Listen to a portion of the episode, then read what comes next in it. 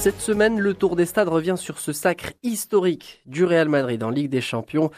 Le club merengue s'est offert sa troisième C1 d'affilée, la treizième de son histoire, face à une formation de Liverpool qui aura été orpheline de sa star Mohamed Salah, sorti sur blessure après seulement une demi-heure de jeu.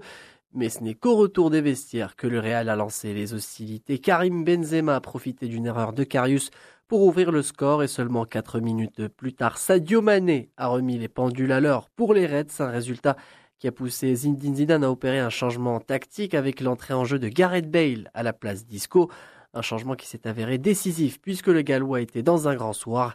D'abord en inscrivant un but exceptionnel pour son premier ballon touché, ensuite parce qu'il a offert le break au Real suite à un tir lointain très mal capté par Carius, le portier des Reds, qui aura vécu une soirée cauchemardesque. 3 buts à 1, le Real Madrid est plus que jamais roi d'Europe en face. Liverpool devra faire face à cet échec qui met fin à la belle campagne d'une équipe qui a disposé de la meilleure attaque de cette édition de la Ligue des Champions. Pour sa part, le coach merengue Zinedine Zidane est devenu le premier entraîneur de l'histoire à gagner une troisième Ligue des Champions d'affilée, et ceci en moins de trois ans sur le banc du Real.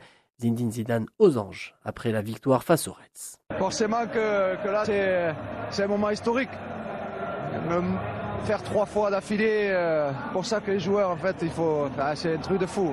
C'est un truc de fou de vivre ça. Même si de toute façon, on y croit, on y pense, et quand on travaille fort, avec une équipe comme ça, on peut aller loin, mais, mais c'est vrai que voilà, gagner trois d'affilée, euh, ah, c'est un truc de fou. Là, il faut, faut profiter du moment, il ne faut pas penser à rien du tout penser à ce qu'ils ont fait les joueurs, à ce qu'on a fait tous ensemble, c'est fantastique. Zinedine Zidane s'offre ainsi sa troisième Ligue des Champions en tant qu'entraîneur et rejoint un cercle très fermé qui comprend Carlo Ancelotti mais également l'anglais Bob Paisley. Le technicien français a donc permis à une génération de marquer les esprits à l'image de Raphaël Varane qui s'est offert à l'occasion sa quatrième Ligue des Champions sous les couleurs du Real Madrid.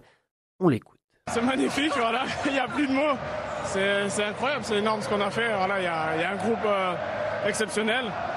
Et puis, euh, puis, ça peut aider aussi d'avoir des extraterrestres qui mettent des buts incroyables euh, dans les moments clés. Donc c'est juste incroyable, il faut savourer parce que voilà, c'est extraordinaire. Voilà. C'est aussi la mentalité, on est déjà, voilà, là on va savourer, mais, mais après on va penser déjà à la suivante. C'est la mentalité de, ce club, c'est l'ADN de, de, Madrid. Donc, donc voilà, c'est notre mentalité. On sait, on aime gagner, on veut encore gagner. Pour l'instant, il faut savourer. Le Real Madrid pense déjà à la prochaine Ligue des Champions, mais savoure cette 13e victoire finale en Ligue des Champions. De son côté, la presse espagnole a célébré ce nouveau triomphe de la Maison Blanche sur la scène continentale. Le Real Madrid domine l'Europe avec une équipe de légende, écrivait El País, le premier tirage du pays, tandis qu'El Mundo saluait un Real Madrid éternel en une de son édition du dimanche. Les célébrations qui ont duré jusqu'au dimanche soir avec la parade des champions d'Europe dans les rues de la capitale espagnole.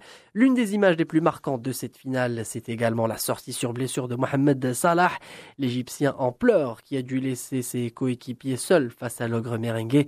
Dans un duel avec Sergio Ramos, l'épaule du numéro 11 des Reds n'a pas tenu le choc dès lors qu'elle a heurté violemment le sol. Et si Jürgen Klopp s'est montré très inquiet quant à la blessure de son joueur vedette, la fédération égyptienne a tenu à réagir et a annoncé que le docteur de la sélection avait été prévenu par le service médical de Liverpool après le scanner au rayon X passé par le joueur et que selon les premiers diagnostics, l'heure était à l'optimisme quant aux chances de voir le Pharaon disputer la Coupe du Monde dans trois semaines. Un autre joueur a dû quitter la pelouse pour cause de blessure et là c'est plus sérieux, il s'agit de Dani Carvajal côté Real Madrid. L'international espagnol souffre d'une lésion musculaire et la Coupe du Monde semble s'éloigner pour un joueur qui a remporté sa quatrième Ligue des Champions avec le Real Madrid plus que jamais roi d'or.